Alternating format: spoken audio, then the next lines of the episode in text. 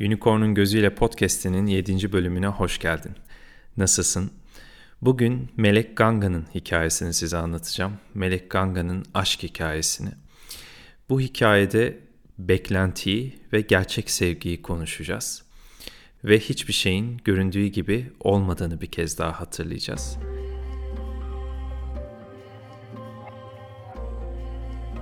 Melek Ganga bir gün Indra Loka'ya yani cennette Indra'nın mekanına ziyarete gelmişti.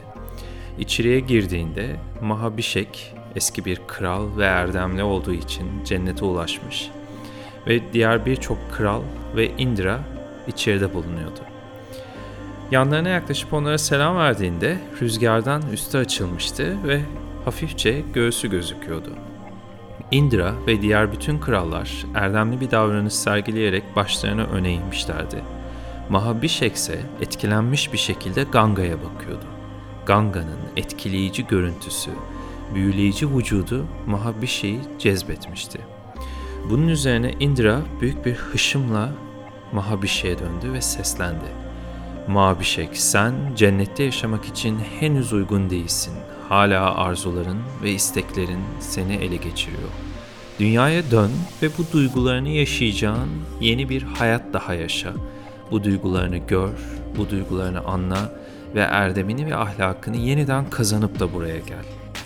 Ve ardından Ganga'ya döner ve Ganga'ya da der ki, Ganga, onun bütün bakışları seni etkiledi. Ondan zevk aldın, hoşuna gitti. Demek ki içinde bu aşkı deneyimlemek isteyen, bu sevgiyi deneyimlemek isteyen bir parça var. O zaman sen de bir yaşamlık dünyaya git ve bu duyguları deneyimledikten sonra yeniden buraya gel.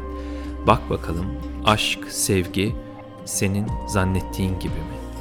Bunun üzerine Mabişek ve Ganga dünyaya yollanırlar. Ve Ganga dünyada bedenlenir, Mahabişek de şantan olarak dünyada bir insan kral olarak yeniden can bulur. Şantan zamanında insan olduğu için ve bu halde cennete vardığı için doğal olarak dünyaya dönüşünde cennetten geldiğini hatırlamaz. Sadece yeni doğmuş bir insan gibi olduğu halin farkındadır. Geçmişini hatırlamamaktadır. Ganga ise bir melek olduğu için nereden geldiğini hatırlar, niye dünyada olduğunu hatırlar, kim olduğunu bilir. Yani hiçbir şeyi unutmamıştır.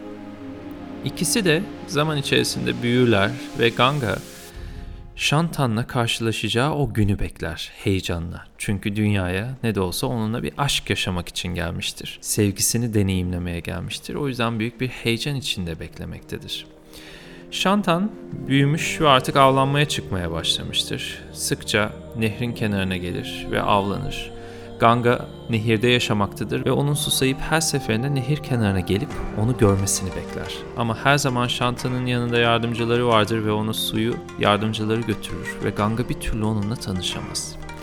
Gel zaman git zaman bir gün Shantan yine çok susamıştır ve yardımcıları yakınında değildir. Kendi nehre doğru gider ve o sırada Ganga bütün güzelliğiyle ona yaklaşır ve ona su uzatır. Shantan Ganga'yı görür görmez aşık olur Ganga tıpkı cennetteki kadar güzeldir. Dünyada eşi benzeri olmayan bir güzelliğe sahiptir. Gözlerinin içi parıldamaktadır. Cildi parıl parıldır, saçları ipek gibidir.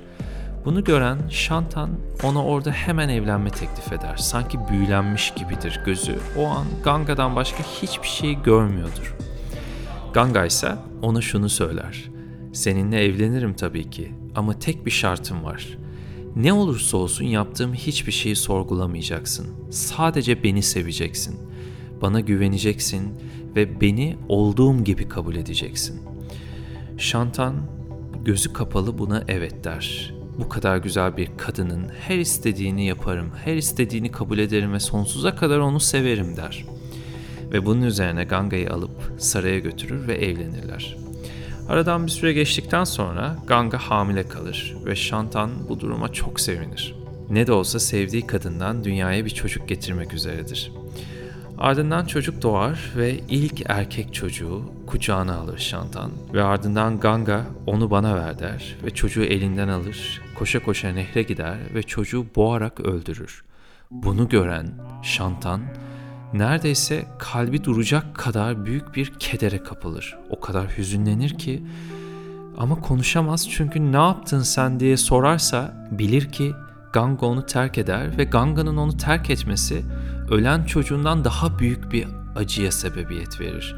O kadar çok canı yanmıştır ki Shanta'nın bir de Ganga'nın onu terk etmesini sindirebilecek durumda değildir ve susarak acısını içine atar.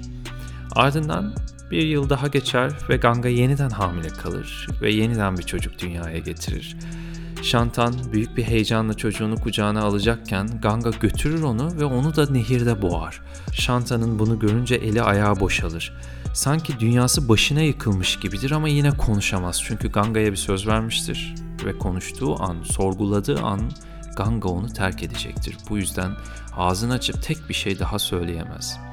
Ardından bir yıl daha geçer. Üçüncü çocuk dünyaya gelir ve Ganga boğmaya devam eder. Dört, beş, altı, yedi derken Shantan artık o kadar mutsuzdur ki Ganga'ya o kadar aşık olmasına rağmen artık ne mutluluğunu ne ona olan aşkını coşkuyla yaşayabiliyordur. Artık hüzün bütün bedenini, zihnini kaplamış haldedir. Ve 8. çocuk dünyaya geldiğinde Ganga yine onu nehre boğmaya gider ve Shantan yeter artık. Bir çocuğumu daha öldürmene izin vermeyeceğim. Nasıl gaddar bir insansın ki yedi çocuğumuzu birden boğdun. Artık dur, buna bir son vermek zorundasın der. Ve Ganga der ki aşkımız, sevgimiz, birlikteliğimiz bugüne kadarmış. Beni koşulsuz seveceğini söyledin hiç yargılamadan, sorgulamadan olduğum gibi beni kabul edeceğini ve beni böyle seveceğini söyledin. Ama her insan gibi sen de karşındakinden bir şey bekliyorsun. Beklentini karşıladıkça ancak karşındakine sevgini verebiliyorsun. İşte bugün buna ben de şahitlik ettim. Bunun üzerine Ganga anlatmaya başlar. Artık bilmeye hakkın var. Ne de olsa İlişkimiz bugün bitti ve sen de yedi çocuğumuzun ölümüne şahitlik ederek büyük acılar çektin. Zamanında Vasular gökyüzünde kanatlarıyla süzülürken Bilge Vaşişta'nın aşramında bir inek görürler. Nandini. Bu inek o kadar büyüleyici ve o kadar sıra dışı yeteneklere sahiptir ki Vasular büyük bir merakla ona yaklaşırlar. Ve bu kadar güzel, bu kadar muazzam bir canlıya sahip olmak ister aralarından bir tanesi ve der ki hadi alıp bunu götürelim. Bu kadar güzel bir inek bizim olmalı. Diğerleri buna karşı çıkar. Derler ki bu bilge Vaşişta'nın ineği. Bir bilgenin ineğini almak bize yakışmaz. O Vasu der ki ama biz semavi canlılarız ve bunu bir bilgeden daha çok hak ediyoruz. Bu inek bizim olmayacak da kimin olacak? Hem o sıradan bir insan bilge. Bizse semavi canlılar olan vasularız. Bunun üzerine diğer vasuları da kandırarak ineği tam çalacakken Vaşişta çıka gelir. Onlara bakarak der ki, siz ki kudretli vasular, bir bilgenin ineğine mi göz diktiniz? Madem öyle, bu inekle birlikte size bir hediyem daha var. Dünyaya insan olarak gelin, kanatlarınızı kaybedin ve bu insan bedenini taşımak zorunda kalın. Bu bedenin içinde acıyı da yaşayın, mutluluğu da yaşayın. Diğer ölümlüler gibi bu dünyayı adım adım gezin ve görün bakalım hırsızlık yapmak ve insan gibi çalmak nasıl bir şeymiş. Bunun üzerine Vasular cennete döndüğünde Ganga'nın Indra tarafından dünyaya gönderileceğini duyarlar ve koşarak Ganga'nın yanına gelirler. Ganga'ya derler ki, Ganga, Bilge Vaşiş da bizi lanetledi ve insan olarak dünyada doğmak zorundayız. Lütfen bizi sen doğur ve henüz bebekken bizi boğarak öldür ki bu acı dolu dünyada insan olarak yaşamak zorunda kalmayalım. Bu dünyanın kederini yaşamak zorunda kalmayalım. Lütfen acımıza doğar doğmaz son ver.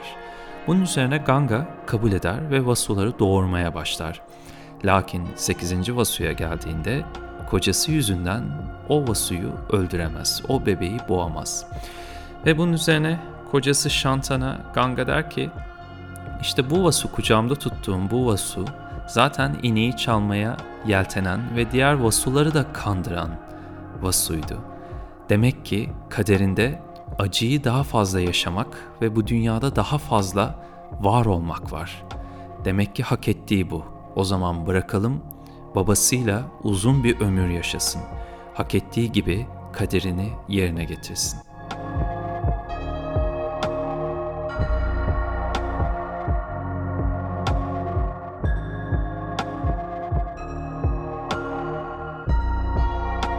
Seni hikayenin düşündürdükleriyle ve hissettirdikleriyle baş başa bırakıyorum. Bir sonraki bölümde görüşürüz. Kendine iyi bak. Namaste.